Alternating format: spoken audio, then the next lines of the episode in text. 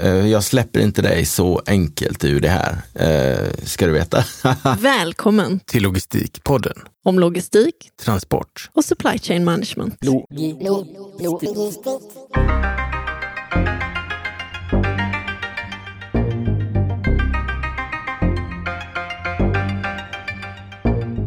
Hej och varmt välkommen till Logistikpodden. Som vanligt så har jag och PO varit iväg på lite utflykter. Vi har båda varit i Skåne och lyssnat till riktigt duktiga talare eh, och vi tar med oss det bästa därifrån såklart och bjuder på dig som lyssnare. Och vi kommer också avslöja en eh, fantastisk nyhet för dig som har eh, lyssnat på oss. Det kommer under magasinsavsnittet. Men innan dess så ska vi först få lära mer om vår nya samarbetspartner Excitec. Idag sitter vi tillsammans med vår samarbetspartner Excitec och eh, vd Johan Kallblad. Välkommen hit! Eh, tack så mycket PO. Nu är jag jättenyfiken på vad är Excitec för slags företag? Eh, vi är ett it-företag som försöker hjälpa våra kunder med IT-stöd för deras verksamhet. IT-stöd som gör skillnad på riktigt brukar vi säga, men vi pratar om att göra arbetsvardagen enklare och effektivare för, för våra kunder. Då. Framförallt inriktade på eh, medelstora företag. I, vi säger någonstans från 50 miljoner i omsättning upp till någon miljard eller två. Och eh, vi jobbar Sverige, Norge, Danmark drygt, drygt 500 eller kanske knappt 600 anställda just nu. Där huvudet, 75 procent är i Sverige ungefär. När ni startade upp bolaget, vad var det för problem som ni såg och ville lösa? Egentligen så handlade det, vi kom väl egentligen från en bakgrund av att jobba med stora systemimplementationer åt stora företag som eh, ofta då, de, de görs ofta med lovvärda, liksom goda, på goda grunder men det finns en tendens att de tar för lång, för lång tid och det blir för krångligt att använda. Så vi vill egentligen eh, försöka hitta ett sätt att leverera IT-stöd så att, eh, så att man kunde hålla leveranstiden och eh, att användarna upplevde att det var enkelt att använda. Så det är vår ledstjärna egentligen, leverans i tid och, och enkelt att använda. Så, och den, den lever kvar eh, fortfarande. då. Sen, sen, är det inte så lätt att göra det. Vårt, vårt sätt att göra det på handlar om att eh, låta det bli komponentbaserat. Alltså, alltså inte ta några så allomfattande jättestora system utan ha bygga upp IT-stödet av komponenter som, som eh, vi sedan ser till att de fungerar bra tillsammans och att vi tar ansvar efter leveransen. För svårigheten med att bygga komponentbaserat IT-stöd är att du kan hamna i en i en svår leverantörssituation där leverantören, eh, där, där sakerna inte funkar tillsammans och leverantörer pekar på varandra. Så vi, vi tar alltid helhetsåtagandet i, i våra leveranser, även om de är uppbyggda av eh, olika systemkomponenter. Då. Så det blir lite mer av ett eh, legobygge av det? Mer av ett legobygge än, jag vet inte vad man skulle kalla eh, alternativet då, men precis. Eh, också, för alla har ju inte, behöver ju inte börja i samma ända samtidigt heller, även om man ska landa i liknande eh, systemstöd för olika affärsprocesser så är det olika saker som är viktigast först och alla bolag är inte likadana så alla resor ser inte likadana ut. Vi kommer att lära känna er nu under, under tre avsnitt eh, framöver. Detta är det första. Eh, så vi kommer att kunna prata mer om eh, individuella kundcase och sånt eh, kanske i nästa avsnitt. Men skulle du kunna beskriva en typisk kund som ni har? Vilken typ av företag är det? Det är i många olika branscher, men det är typiskt så är det ett, ett företag som är växande eller av något annat skäl har behov av att göra en omstart på systemsidan. Ofta på grund av att man behöver Eh, Eh, man vill kunna växa utan att öka sin administration till exempel. Eller man blir mer precis och, och exakt, jobba lite effektivare. Så det är ofta ett företag med kanske 50 anställda eller 100 anställda som, som eh, vill få bra IT-stöd för sina processer, som är lite rädd för, man kanske har gjort en stor systemimplementation 10-20 år tidigare av något sånt här stort ERP-system som nästan tog eh, död på organisationen och så vill man hålla det lite enklare men man har fortfarande ganska hög ambition i fråga om, om tillväxt och sådär. Men alla möjliga branscher, partihandel är vanligt och service är näst vanlig, vanligast. Men det, så det är mycket logistikföretag men också sådana som bara som, som säljer eh, eh tid och timmar. Men, eh, men det vanligaste är väl varuförsäljare, eh, antingen eh, det kan vara både e-handlare eller sådana som säljer i traditionella kanaler. Då. Vi har inte siktat på de allra största, så vi jobbar inte liksom i Enterprise-segmentet med de allra största multinationella och vi jobbar ganska lite på myndighetssidan också, utan det är i huvudsak privata företag. Jag är lite nördig. Jag tycker alltid det här med företagsnamn är eh, spännande. Det brukar alltid vara en utmaning att komma på. Var kommer Excitec ifrån? Ja, eh, Nina, jag försökte säga till dig att, det var, att jag inte hade en så bra historia, men, men den är så här. Vi, eh, vi försökte hitta något fräckt eh, företagsnamn då naturligtvis, så Exciting vill man ju vara, men eh, det gick inte att, att registrera det namnet. Vi kunde däremot registrera Exciting Site Technologies. Eh, men då blev det lite felstavning kan ju någon anmärka, för när vi förkortade Exciting Site så blev det ju EXSITEC och Exciting stavas ju med C istället. Så, så det är egentligen en förkortning av Exciting Site Technologies och tanken var då att eh, IT-system kommer nog levereras över internet, alltså som eh, sajter på något sätt. Och så är det lite exciting det här med verksamhetsstödjande IT. Så att, eh, det är väl eh, historien. Sen vet jag inte om jag, om jag skulle rekommendera X i början på, på ett företagsnamn. Kanske, det finns så många sätt att stava. Det kunde vara EX och ett, bara ett X och så vidare. Så det, det kanske inte har förenklat för våra kunder. Men... Nu kommer jag definitivt ihåg detta eftersom du har berättat det för mig och att liksom du säger att det är felstavat och så vidare. Eh, men, men eh, jag tycker det är bra att det finns en story bakom namnet. Eh, det finns det bakom de flesta namn. Innan vi lämnar dig för den här veckan, var någonstans eh, finns ni i landet? Du nämnde att ni hade växt ganska kraftigt. Vi har gjort det. Vi startade i Linköping och, och där har varit vår, vår bas och, och, är något av en bas. Men vi är nog dubbelt så många anställda i Stockholm som i Linköping. Jag tror även Göteborg har vuxit om. Så det är, det är Stockholm, Göteborg, Malmö, Linköping som man väntar sig. Ganska nystartat kontor i eh, Luleå eh, dessutom. Och eh, sen lite småkontor runt om i landet som mest bygger på att vi har haft någon duktig kollega som kommer någonstans. Jag såg att vi öppnade ett kontor i Visby här um, i förra veckan bara, men det var inte ett företagsledningsbeslut utan det var nog mer en medarbetare som flyttade dit och behövde en arbetsplats.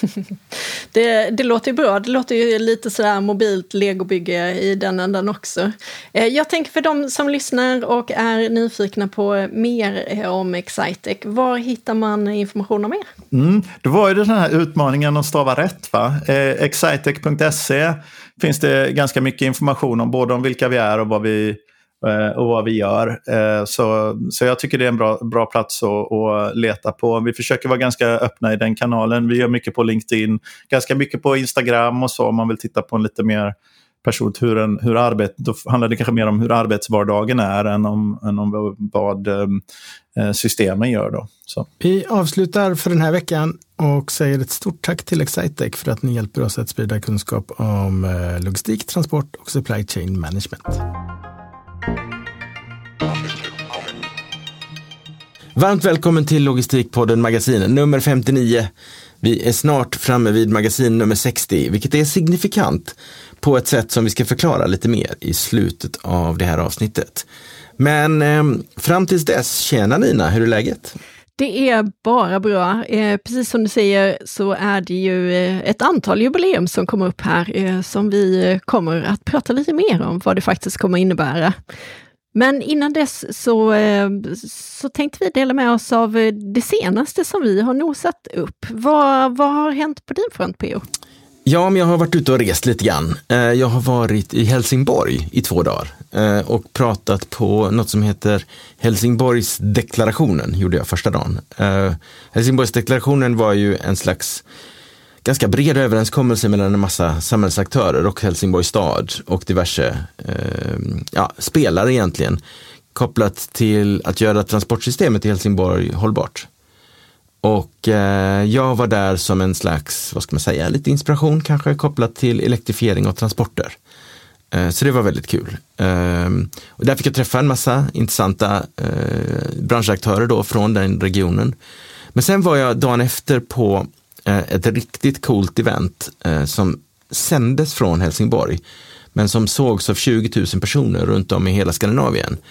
Och det heter A Sustainable Tomorrow och det var här var tionde året som de körde. Och eh, första gången de körde en sån här eh, gigantisk, men de hade olika hubbar runt om i Skandinavien där, Skandinavien, där Eh, en lokal arrangör visade sändningen då för en, en publik i ett rum och hade liksom lite faciliteringsroll också, man hade diskussioner och sådär. Och eh, ja, det där var ett eh, riktigt coolt event.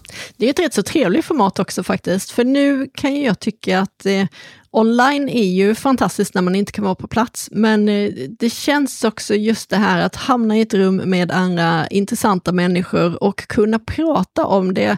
Det är ju värt så himla mycket och även om det finns digitala rum så finns det ändå eh, något litet extra där när man ses live. Ja, och de kallar formatet för en digilogkonferens, vilket jag tycker är väldigt, väldigt coolt. Det finns många aspekter av dialog, analog och digital i det ordet som de då har uppfunnit. Så att eh, jag tanken det låter lite som eh, Melodifestivalen. ja, lite grann så. Men, men ta- tanken är ju då att, att de har talare eh, av riktigt hög klass. Fredrik Reinfeldt var där för, tror sjunde året i rad och körde en samhällsanalys eh, kopplat till FNs hållbarhetsmål. Eh, Linnea Claesson var där eh, och pratade om mod, egentligen ska man väl sammanfatta hennes, om att våga, våga försöka göra något trots att man kanske inte alltid kan göra den skillnad man vill.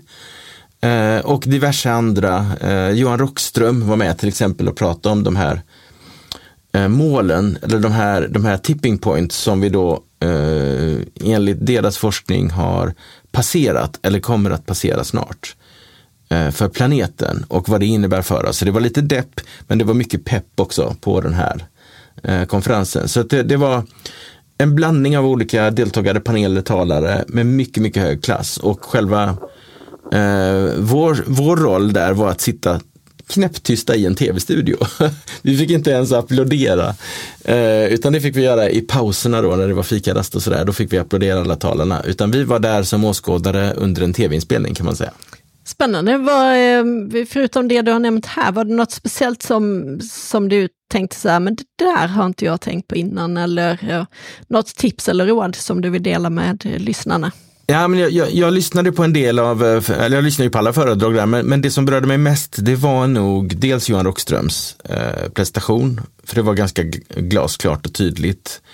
Eh, och sen eh, gillade jag Linnea Claessons. Eh, hon, hon är väldigt, väldigt, hon går igenom rutan och är väldigt eh, intensiv och oberörd, eh, lämnar ingen oberörd. Eh, hon, hon berättar en hel del personliga berättelser och sånt också, men framförallt så har hon en en egen integritet och eh, hon står på sig trots att det blåser. Och det är något jag beundrar väldigt, väldigt mycket. Men jag tänker det som Johan Rockström pratar om, för jag tänker med hans syn på världen och vart vi är på väg, så måste han ju eh, känna lite desperation. Vad, vad var råden eller eh, takeaways, liksom, gör det här för att hjälpa till? Det han pratade om var ju allvarliga saker och han visade på att forskningen är nu ganska eh, enade om att det här och det här håller på att hända, vissa isar smälter och så vidare.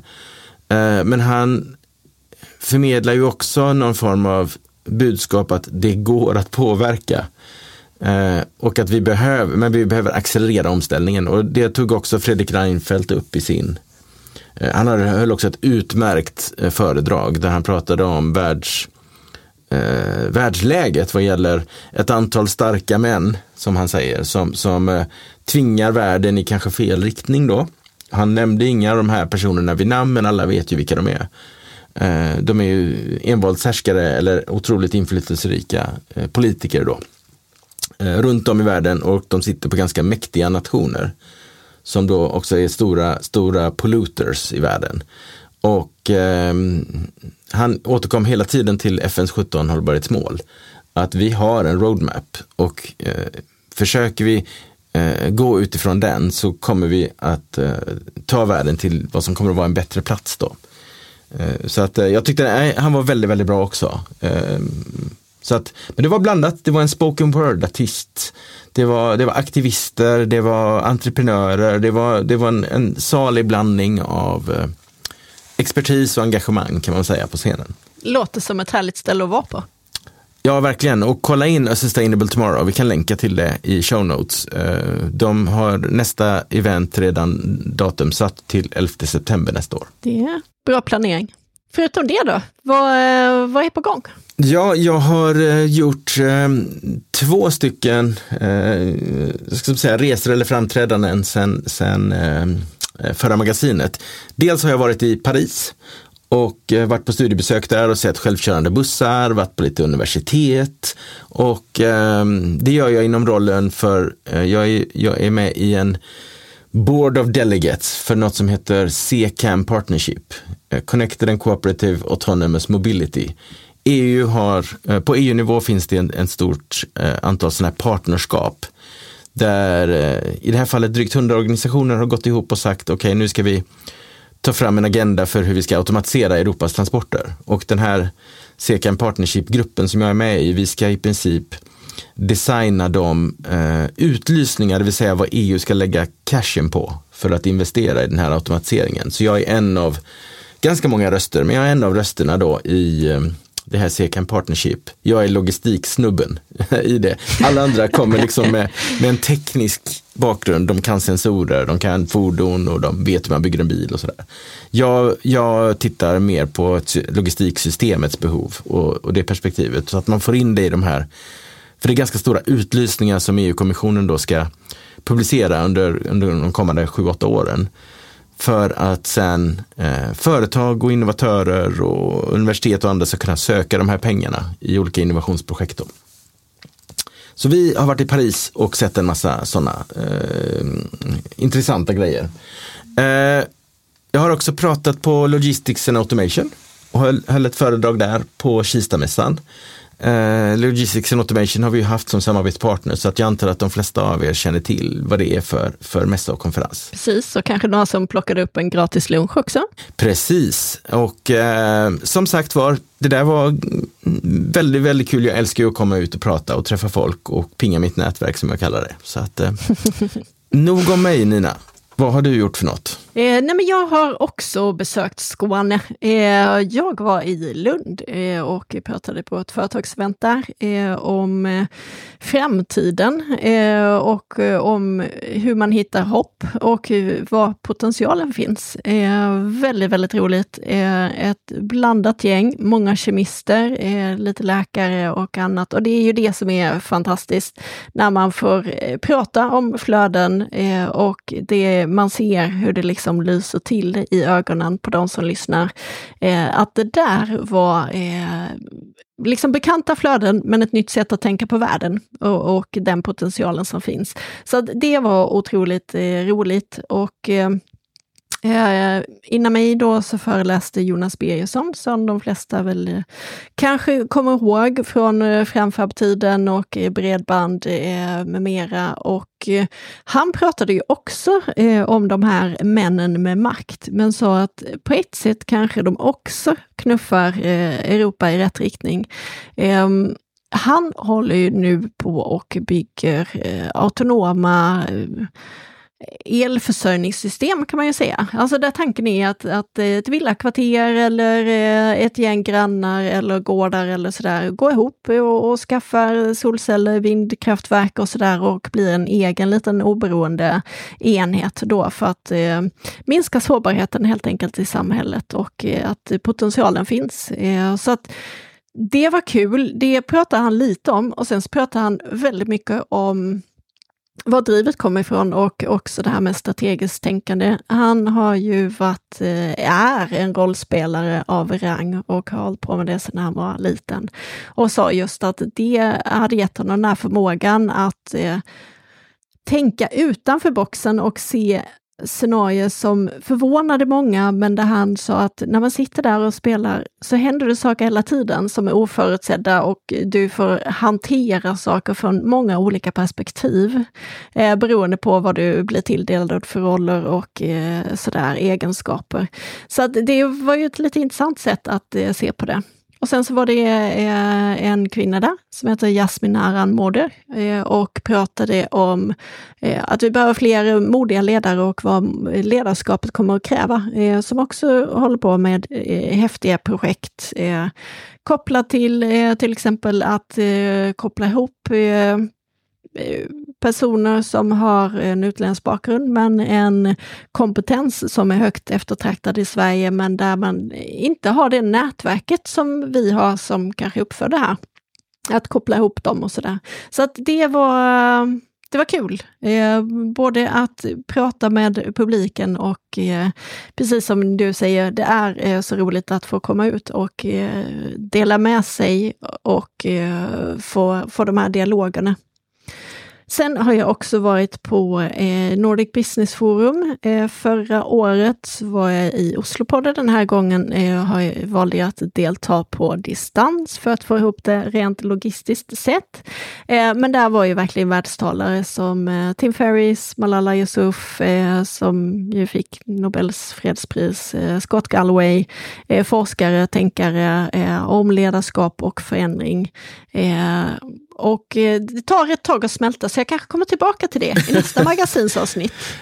Ja, definitivt. Men jag menar, det, det är, eh, vilken upplevelse att lyssna på sådana här världsnamn. Ibland har jag fått förmånen att göra det några gånger. Jag var till exempel, när Al Gore fick Göteborgs stads miljöpris, så var jag eh, med i, fick vara med på lite sådana här VIP-event runt omkring. Så han var, vi var till exempel i ett rum och lyssnade på, han höll ju ett spontant föredrag på en halvtimme i ett rum där det var kanske eh, typ 50 pers eller 100 pers.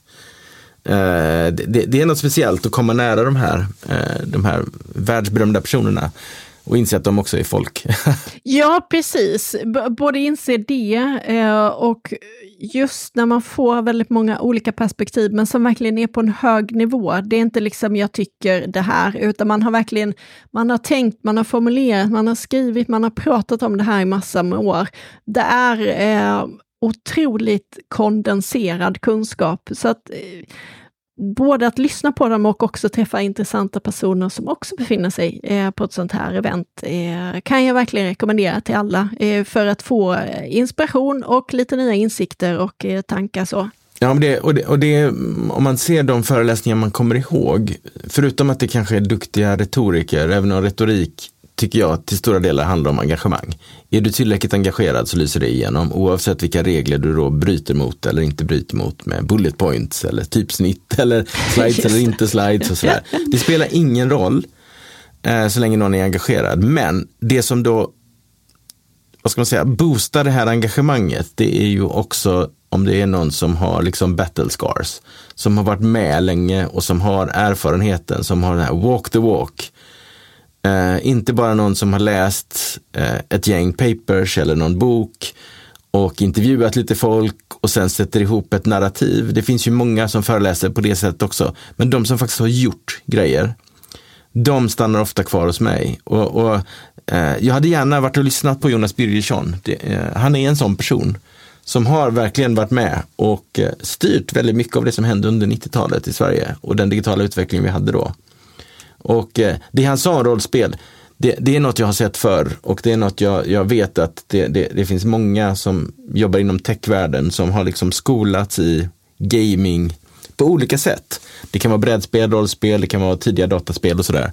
Och det formar folks, eh, hur de tänker. Ja, det roliga var att jag några veckor innan dess faktiskt hade lyssnat på eh, intervju med en annan företagsledare som också hade pratat om sin bakgrund, eh, som just hade spelat eh, VM då i olika eh, rollspel. Eh, och eh, det är ju rätt så häftigt. Jag, jag har inte själv liksom spelat rollspel. Eh, familjen har gjort det. Jag har känt att inträdesbiljetten har varit lite hög. Det där man först ska gå igenom ett scenario och man ska förbereda sig och man ska rollkaraktären. Eh, då har jag lite gått och gjort någonting annat. Men eh, väldigt, väldigt häftigt att eh, se just eh, möjligheten att tänka utanför ramarna och eh, van vid att spelplanen ändras ändras med eh, kort varsel, eh, vilket jag tror att de flesta inte riktigt har varit vana vid. Man har tänkt att världen ser ut som den gör, men nu helt plötsligt så händer mer och mer och då behöver man kunna tänka och också då tänka utanför ramarna. Mm, och det, finns, det finns ju ett, olika, eh, ett antal olika metaforer man kan använda för att beskriva till exempel en bransch eller affärslivet eller eh, liksom en karriär eller någonting. Den ena är krig, allting är ett krig, det handlar om resurser, vem får tag i resurser, get made, get paid, get laid, liksom de här stora drivkrafterna då. Den andra är att man kan se det som, som ett spel.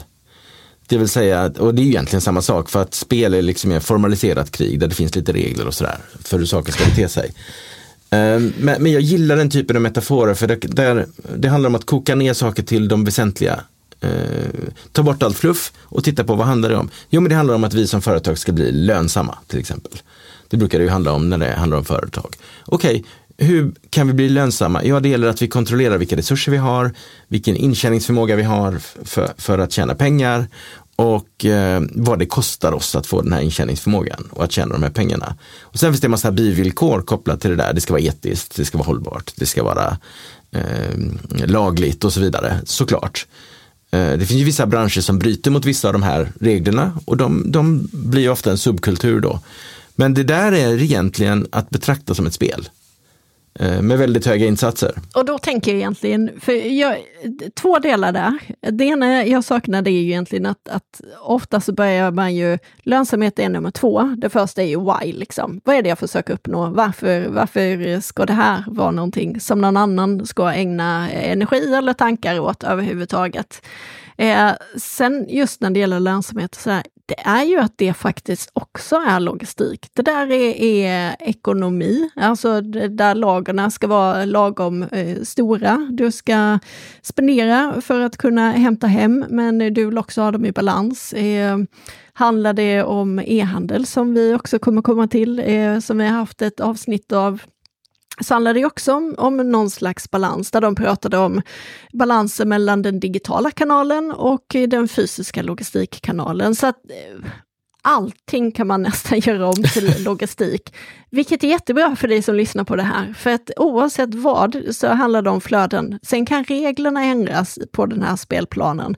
Men spelplan, regler, något syfte och logistiktänk så har man kommit långt. Ja men så är det och jag har eh, pratat med en före detta doktorandkollega eh, som vi båda känner också. Jag ska inte namnge personen för jag vet inte om, om liksom, Ehm, person, hen vill att det här ska komma ut för att då kanske hen inte blir inbjuden till fler spelkvällar. Men en duktig logistiker, det är så att det, det, det finns en tradition i Europa vad det gäller brädspel. Brädspel är ett ganska stort community. Det finns något som heter Eurogaming eh, eller Eurostyle Games. Och de är ofta ganska komplexa eh, och de är så, här så kallade resource management-spel. Det vill säga du, alltså en enkel variant av det är bondespelet som alla kanske har spelat. Du ska, du ska så och sen ska du skörda och du ska hela tiden hitta balans mellan hur mycket du producerar och hur mycket du kan få ut och din intjäningsförmåga över tid. Och den som då lyckas bäst vinner spelet. Och så finns det ju mängder med grader i hur avancerade sådana här spel kan bli. Ibland kan det ta flera dagar att spela en omgång och det kan ta jättelång tid att lära sig alla regler och sådär. Och det man simulerar är ju någon form av verklighet då. En bransch eller, eller eh, någon form av konkurrenssituation där man kan, eh, eh, där man kan vinna över sina konkurrenter. Då. Och vad den här personen sa var att logistiker tenderar att vinna sådana här spel för att man, man kan tänka i de här, man måste kunna tänka i flöden. Man måste kunna tänka i vad händer över tid om jag ökar min produktion med en, en enhet. Eh, vad kommer det att kosta mig? Vad kommer det att ge mig? Så att man kan sitta, även om inte man sitter och gör diagram liksom, och tittar på kurvor när de korsar varandra och sådär, så är det så man tänker. Medan personer med kanske en annan bakgrund som sitter med eh, helt andra referensramar kanske är bättre på den här typen av spel som handlar om att man ska spela den här sociala biten, att man ska lura varandra. Har ni spelat Secret Hitler till exempel? Det är ett sånt spel där man ska, man ska lista ut vem är Hitler vid bordet ungefär. Och Hitler ska försöka sabotera för alla andra utan att bli upptäckt. Eh, det är ju en annan typ av spel då. Så att med de här resource management-spelen, där är logistiker lite väl sidade ibland tror jag eh, Jämfört med alla andra. För vi har lite superkrafter som de kanske inte riktigt besitter. Och är man sugen på att testa sina krafter och befinner sig i Skåne så tipsar ju Jonas Birgersson om att en eh, kväll per månad så har de faktiskt spelkvällar på Grand Hotel i Lund. Så då kan alla som vill komma dit och så finns det massa brädspel där och så eh, kan man hitta ett eh, spel som man gillar och ett gäng personer att spela med. Det finns i Göteborg också och i Stockholm. Ja, I Stockholm vet jag att det finns på Urban Deli Hotel, för där har jag bott ganska många gånger. Och där vet jag att en kväll i veckan eller om det är i månaden så har de eh, game night där. Och då sitter en massa folk och spelar runt bord och är helt tysta och jättekoncentrerade. Så, så att det kan man göra. Rätt så mysig inredning tänker jag på ett eh, hotell att ha. Ja, verkligen. Urban Deli är ett rätt coolt hotell. Eh, Det är hotell, butik, restaurang, typ. Sån här digital nomad arbetsplats. Och en extra bonus, det är att Urban Deli ligger i Skandiahuset som det heter, där Skandiamannen satt, som då påstås sprang ut och sköt vår statsminister precis i korsningen där utanför.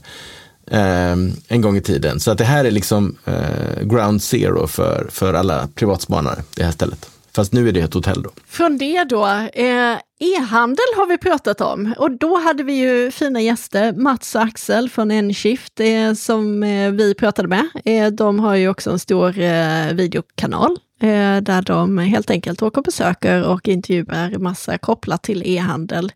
Eh, vad tar du med dig från den eh, intervjun? Nej, men det är att e-handel fortfarande, det är ju inget nytt längre. Eh, jag kom, när, jag, när jag köpte min första grej online, då köpte jag en speciell penna som man kunde använda till en, till en Palm Pilot. Detta var på 90-talet. Och jag var livrädd. Alltså jag hade så hög puls när jag la den här första ordern. Det var 20 dollar tror jag den skulle kosta. Den skulle skickas från USA. Jag tänkte det här, jag kommer att bli utfattig. De kommer att liksom ta mina kortuppgifter och sådär. Men det gick jättebra. Och nu är det ju en helt naturlig del av ens vardag. Man, man klickar hem något ganska snabbt. Uh, och man använder uh, de leveranskanaler som byggs upp och ju mer de används desto mer effektiva blir de. Och sådär. Uh, så att det händer jättemycket. Vad vi ser då, och det pratade vi om i det här avsnittet, en konsolidering. Små aktörer som är lite för små behöver bli större eller gå upp i större sammanhang för att de ska kunna bli lönsamma. För att Fasta kostnader är fasta kostnader och har du inte tillräckligt med transaktioner för att betala för dina fasta kostnader så blir du inte lönsam. Och det börjar synas nu i e-handelsbranschen också. Det går inte att ha liksom en liten garageverksamhet längre, utan du behöver ha ganska mycket muskler för att lyckas. Jag läser faktiskt eh, idag i, i nyheten också att eh, det har gått ner eh, lite i e-handel. Och eh, det är väl inget anmärkningsvärt i sig, men det är ju egentligen, eh, det har ju liksom ökat så länge så att, eh, att det står stilla är ju faktiskt en rätt så stor förändring mot tidigare. Men jag, jag tyckte också det var väldigt intressant just det här att man, alltså det är lätt att tänka på e-handel som en digitalt fenomen, det vill säga att ja, men man, vem som helst kan slänga upp en liten affär. Men det är ju det här med leveransen, alltså den fysiska delen har man fortfarande kvar och där är ju en väldigt spännande del, både tänker jag leveransen och också det här eh, med eh, passform, eller vad man ska säga, det vill säga att eh, om man, jag inte ser varan förrän den kommer hem till mig så måste jag kunna guida kunden väldigt mycket så att den får rätt vara, för annars så blir det en massa returer och extra logistik också runt omkring det. Eh, så det, det tycker jag är rätt så intressant. När man tänker i handel så tänker man oftast på själva shoppen, eller jag tror de flesta gör det, men att eh, det är det fysiska som eh, är mer utmanande tror jag, många gånger. Jo men det är ju så, produkten är fortfarande inte digital. Det finns ju e-handel av digitala produkter också, typ mjukvara och sådär, att man behöver inte längre få hem en CD-skiva eller en DVD-skiva med mjukvaran på, utan du, du laddar ner den istället. Eh, man kopplar bort egenskaperna och blir enbart digitala. Men, men eh, vi hade ju vårt eh, avsnitt där vi intervjuade forskare, ISKA-stipendiet, och där hade vi Emelie Gustafsson. Hon, hennes forskning handlade just om det här. Hur kan man säkerställa passform? Storlek 42 säger mig ingenting om om jag kan ha den här skon eller inte. Jag som dessutom har speciella sådana här inlägg som tar lite extra plats kommer alltid att behöva gå till en butik och prova mina skor för att veta om jag kan ha dem eller inte och vilken storlek jag egentligen i så fall behöver. Och det där är ju lite grann av the holy grail för e-handel av kläder, har varit väldigt, väldigt länge. Och eh, man ser en massa lösningar, det finns personal shoppers, det finns det, eh, det, det fanns ett företag, jag vet inte om de finns fortfarande, som heter Virtue Size. Där du kunde lägga in att jag har den här skjortan från Hugo Boss och den sitter bra på mig. Den har det här artikelnumret. Och då visste de exakt hur den är skuren. Och då kunde andra e-handlare eh, connecta till deras ekosystem då, så kunde de Eh, Eh, om, när jag då är inloggad så vet de om att jag har en storleksprofil på, på, i den här tjänsten och då kan de säga att du borde kunna ha den här skjortan från oss. Om du kan ha den så kan du ha den här. Liksom. Och det tyckte jag var ett rätt smart sätt. Och de marknadsförde sig inte mot konsument då, utan mot, mot e-handlare. Vet inte om de finns kvar. Känner ni till om de finns kvar och om eh, de fortfarande håller på? Hör av er vet jag, kommentera eh, på LinkedIn efter det här avsnittet. För det skulle vara kul att prata med. Eller om det finns någon annan sådär eh, smart lösning på just det här med passform och eh, storlekar. För det är ju ett aber för e-handeln. Ja, och bara för, att något, bara för att något passar betyder inte att det sitter skönt heller. Det där är en subjektiv grej. handlar om var sömmar sitter, hur känns tyget, eh, prasslar det för mycket? Alltså allt sånt där, det är ju så individuellt. Verkligen. Men du, sen, eh, vi, vi hade ju en liten teaser där om att eh, det snart kommer ett jubileum. Vad, vad var det? Ja, så här är det. Eh, den 7 december i år, och det är ganska snart då, det är två månader kvar, så har Logistikpodden funnits i nio år. Ta, ta, ta, och det där är ju en rätt så stor milestone tycker jag, eller hur? Verkligen. Eh, nio år är väldigt, väldigt länge i den vanliga världen. Eh, har alla som har barn som har växt upp under den tiden. Eh, extremt länge i, i poddvärlden. Eh, där är det ungefär som att eh, det är din mormor som har växt upp under den tiden. Eh, så det här är ju stort eloge, tänker jag till dig. Att bara liksom, från, från en tanke till att det blev allt det här. Ja, från en impuls skulle jag säga. Det var nog inte ens en tanke. Utan det var mer att så här, typ, utan att förstå så hittade jag på en grej. Eh, men du har ju varit med ganska exakt, jag kollade. Den, eh, fjärde, eh, den 18 april så kom första avsnittet med dig som medprogramledare i Logistikpodden och det var under 2019. Det betyder att du har varit med i fyra och ett halvt av de här nio åren. Så halva tiden har du varit med också. Så att det är verkligen eh, en, en resa vi har haft. Ja, och jag eh, kan bara reflektera över de fyra och ett halvt åren, hur otroligt mycket som har hänt. Eh, alltså det här var ju innan pandemin, vi har funnits sedan innan pandemin. Långt innan dess. Eh, och, och, jag kommer fortfarande ihåg när vi satt där och pandemin precis hade blivit en verklighet och, och vi satt och funderade på hur länge det här kommer eh, faktiskt hålla i sig. Eh, en massa grymma intervjuer, en massa kommentarer från er lyssnare. Så att, eh, att då tänka gånger två eh, till det du har varit med om, eh, så är det ett otroligt material, tänker jag, och en riktig kunskapskälla. Ja, alltså lite statistik då, för de som undrar. Det här avsnittet du lyssnar på nu, det är nummer 318. Och eh, när vi fyller år då, den 7 december, så kommer det att vara 322 avsnitt. Och hittills så har våra avsnitt laddats ner 325 000 gånger under de här tio åren. Det började eh, lugnt och sen har det liksom ökat eh, med åren. Det där är helt mindblowing. Jag hade ingen tanke på att det skulle vara så mycket och så stort. Nej, det är ju alltså 325 000 är jättemycket.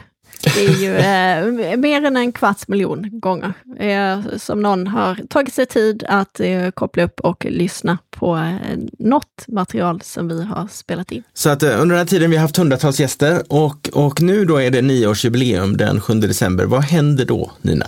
Ja, men då blir det ett lite annat format. Eh, jag har bestämt mig för att jag behöver nu har jag haft egen låda i ungefär fem år, eh, så att jag tänker att jag ska ta mig lite, undan med lyxen att reflektera lite. Under de fem åren, när jag startade mitt eget företag, så var det ju med ambitionen att eh, både eh, kunna lära mig nya saker och utvecklas, men också att kunna dela kunskap på ett annat sätt. Och där har ju då eh, under den här tiden jag släppt eh, två böcker och eh, gjort en massa intervjuer och eh, föreläst och uppdrag och sådär. och det är ju jättehäftigt. Eh, och nu känner jag att eh, det har också varit väldigt intensivt, så att jag ska unna mig själv en liten, liten paus, en liten reflektion. Eh, när jag startade eget så var jag 40 och tänkte att det är lika bra att ha en rejäl kris eh, och, och liksom eh, kunna skylla på det. Om allting går åt fanders som jag hade tänkt mig. Men det var ju faktiskt riktigt kul. Det har varit otroligt lärorikt. Eh, men eh, det är också rätt så mycket energi som har tankats ner i det. Så att jag eh, ska eh, pausa lite och gruppera om för att se vad jag vill ha hunnit med tills jag fyller 50. Några saker vet jag. Jag vill jobba, eh, hitta något sätt att jobba mer med eh, hållbart, alltså hållbara flöden och eh, hållbarhet. Eh, föreläsningar tycker jag också är vansinnigt eh, roligt. Så sitter man och lyssnar och vill ha en turbomotor till något eh, utvecklingsprojekt mot eh, rätt väg i samhället eller sådär, eh, en inspirationsföreläsning, så får man gärna höra av sig. Men annars så tänker jag att eh, jag ska fundera på vad nästa steg är. Och eh, det är ju som alltid, när man ska ta ett steg framåt så måste man lyfta på foten bakom. Eh, för att göra plats för nytt så behöver man lite tid i kalendern. Så att jag skulle vilja fortsätta på det också. Och jag tänker att jag får möjligheten att gästspela lite här framöver också. Men inte lika frekvent som vanligt. Vi kommer till det också. Jag släpper inte dig så enkelt ur det här eh, ska du veta. det är jag bara tacksam för. Men jag tänker också att vi ska inte släppa lyssnarna heller, för det är inte slut med det här, utan nu kommer nästa så här fantastiska jubileumsår, alltså tio år. Vad händer då, Peo? Ja, alltså jag, jag funderar på när du då i somras sa att eh, du, du ville liksom styra om lite grann och prioritera om och sådär. Så, så full förståelse såklart. Och eh Eh, det ska man göra då. Jag är väldigt dålig på det själv. Det är därför jag sitter här nu nio år senare. Eh, och har bara fortsatt. Det är vi egentligen. tacksamma för. Jo, men jag fick ju liksom, min kris var väl då för fyra och ett halvt, fem år sedan när jag insåg att jag kan inte fortsätta, utan jag måste, något måste hända och det var ju då du då steppade in, vilket har varit otroligt kul. Eh, man kan ju inte sluta podda på sin nioårsdag. Alltså det, det går inte. Den här podden är den äldsta podden om logistik, den som har hållit på längst i Sverige och eh, ska inte säga att det är den största för jag har inte siffror på alla andra. Men den, är, den, den har funnits ganska länge och som sagt vi har gjort eh, mer än 300 avsnitt och hundratals gäster har gästat oss. Det finns så mycket kunskap så att nej, podden kommer inte att försvinna bara för att Nina inte är med i varje avsnitt. Även om det är väldigt sorgligt tycker jag. Eh, du kommer att vara med eh, i framtiden också. Så jag har bestämt mig att uh, göra ett sista år av Logistikpodden. Och det här är inte vilket år som helst. Det kommer att vara Logistikpodden i kvadrat. Och hur får man till det? jo, nej, så här är det. Uh, uh, när, den 7 december då, det är 7 december som är poddens födelsedag så att säga. Den 7 december 2024 så kommer podden att fylla tio år och då kommer det sista avsnittet att publiceras. Eh, och då hoppas jag att du är med i det avsnittet också såklart. Eh, det kommer att vara ett speciellt avsnitt såklart när man gör det sista som ska rappa upp tio år. Och det går inte att rappa upp tio år i, på ett avsnitt. Däremot så kanske det går att göra på tolv avsnitt. Och det är det som är min plan nu under 2024. Att en gång i månaden släppa ett specialavsnitt av Logistikpodden eh, där varje avsnitt har ett eget tema går in i en egen del av eh, allt det material vi har. Eh, får besök av före detta gäster som kommer att prata om dels vad som har hänt under de senaste tio åren, men också vad som kommer att komma under de kommande tio åren. Så jag ser de här avsnitten som lite grann små mini, mini, eh, vi har ju pratat om det här med kunskapsboosters tidigare. Jag ser de här avsnitten som lite plattformsavsnitt, så jag kommer att göra ett om e-handel, kommer att göra ett om AI, kommer att göra ett om cirkulära flöden. Där vill jag ha med dig förresten. Och jag kommer att göra eh, avsnitt, eh, jag pratar om ett, eh, funderar på ett om bygglogistik till exempel. Jag har ännu inte bestämt vad alla de här eh, 11 avsnitten som det blir då, för det tolfte blir något slags slut, eh, glass och ballonger jubileumsavsnitt, det vet vi. Men de andra 11, januari till november, eh, jag har ännu inte bestämt vad de ska handla om. Eh, så att jag tar gärna emot era förslag. Vilka typer av avsnitt skulle ni vilja att jag gör? För här, varje avsnitt kommer att vara en standalone produkt som kommer att gå igenom ett ämnesområde. Tio år bakåt i tiden, tio år framåt i tiden. Och eh, där vi försöker lyfta in så mycket expertis och kunskap det bara går. Så här har du ju verkligen din chans. Alltså har du något ämne som du brinner för eller vill lära dig mer om. Eh, och då är det ju liksom nio års material att gräva ur plus eh, extra material då, som skapas i samband med de här avsnitten och blir sådana här riktiga guldgruvor eh, specifikt på ett tema. Så att eh, skicka in din önskelista nu till innan jultomten. Ja, ni kan kontakta mig på LinkedIn eller skicka till hejatlogistikpodden.se adressen. Eh, jag vill också utforska en möjlighet att ha en samarbetspartner per avsnitt.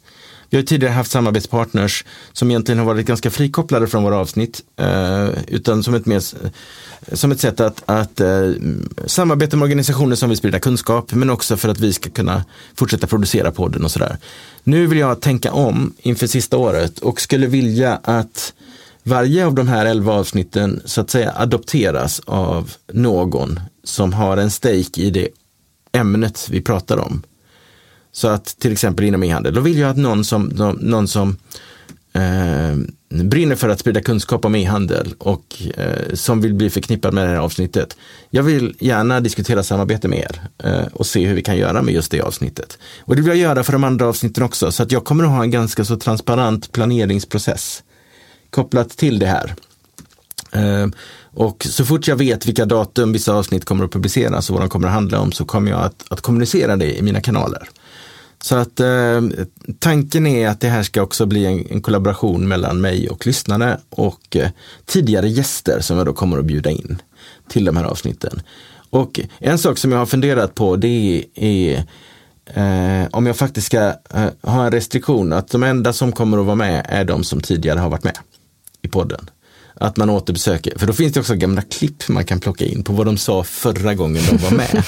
och det där är ju lite roligt då, för att då kan man liksom eh, reflektera över, okej, okay, för, för sju år sedan så sa du att om fem år ska vi eh, göra det här och det här och det här. Vad har hänt då? Och så kan man prata om den typen av saker. Så att eh, formatet är inte hundrasatt än, men det kommer att bli ett fantastiskt sista år, go out with a bang. Och, och när det här sista året då väl är klart i slutet av 2024 så kommer ju inte podden att släckas ner. Utan den kommer ju att ligga kvar. Man kommer kunna lyssna på alla dessa tio åren eh, så länge jag eh, i alla fall får vara med och bestämma. Och en sak som jag eh, nu experimenterar lite med, jag har hintat om det under sommaren, det är att utnyttja de fantastiska AI-verktyg som finns nu till att transkribera samtliga de här 300 det blir 330 typ drygt avsnitt då. Transkribera alla avsnitt. Eh, det som just nu är hindret är att kunna identifiera vem som pratar i dem också. Men det kommer att kunna gå ganska snart, utvecklingen går fort. Träna en chattbot på hela innehållet i Logistikpodden. Och sen ger man den chattbotten ett, eh, ett konto någonstans. Eller någon, eh, antingen ett konto på Messenger eller att man kopplar upp den via sin hemsida. Det finns lösningar för det där. Och då kan du som lyssnare chatta med tio års ackumulerad kunskap om eh, logistik, transport, supply chain management. Du kan ställa vilken fråga som helst kopplat till något som podden har um, tagit upp och du kommer att få en sammanfattad um, en sammanfattning av det området och också i vilka avsnitt du kan lära dig mer. Det där är ett projekt som jag ska lägga 2024 på att försöka realisera. Så att podden kommer att leva kvar i en slags digital en digital, inte en minneslund, utan en digital, som säga, ehm, interaktiv miljö där man kan fortsätta att chatta med den.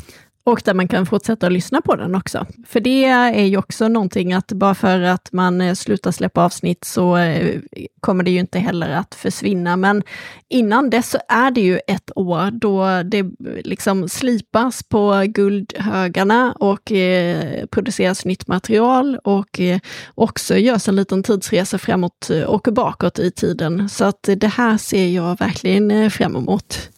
Ja, jag också. Och även om det är tråkigt att vara eh, ensam programledare så kommer jag inte vara ensam i något av mina avsnitt, utan jag tänker att vi i varje avsnitt ska vi vara tre till fyra personer totalt som är med. Så det kommer att bli liksom panelformat väldigt, väldigt mycket.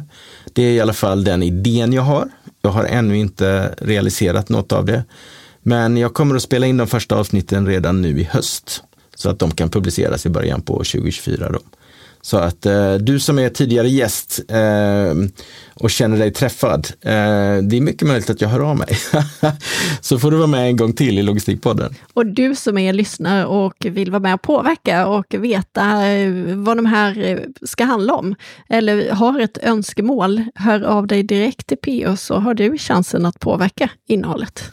Ja, definitivt. Eh, och, och, det här ska bli riktigt, riktigt kul. Jag ser det här som ett, ett väldigt, väldigt roligt projekt. Jag kommer vad jag känner nu, inte att sluta podda bara för att jag kommer att sluta podda under det här varumärket. Eh, jag har länge velat göra något på engelska och vi får väl se om det öppnas möjligheter för att göra det nu när jag kanske växlar över fokus då efter 2024. Men det får vi återkomma om.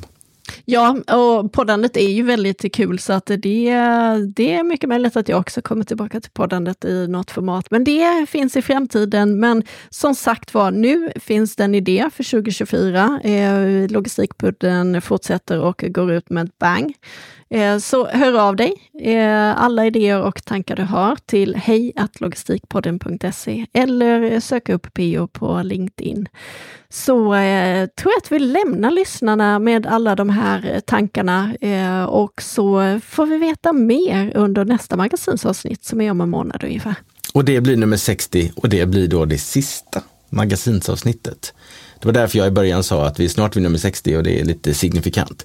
Nummer 60 blir det sista magasinsavsnittet och det kommer att släppas på poddens nioårsdag, för det råkar faktiskt vara en torsdag. Så att det där, det där är liksom lite symmetri också eh, runt det där som jag tycker är väldigt, väldigt trevligt. Häftigt! Det ser vi fram emot. Vi ska fira ordentligt och hoppas att ni är med och eh, firar också i era lurar. Men fram till dess så tackar vi er lyssnare. Utan er hade vi eh, inte varit någonting och inte kommit upp till eh, alla de här fantastiska sakerna vi har fått möjlighet att göra. Så stort tack till dig som lyssnat och vi hörs snart igen. Stort tack och hej då!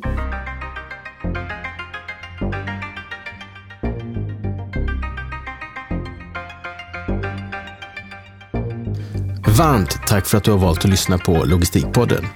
Vad tyckte du om det här avsnittet? Följ oss på LinkedIn. Där kan du också gå in och kommentera och diskutera vidare med andra logistikintresserade personer. Så missa inte det. Vi ses där.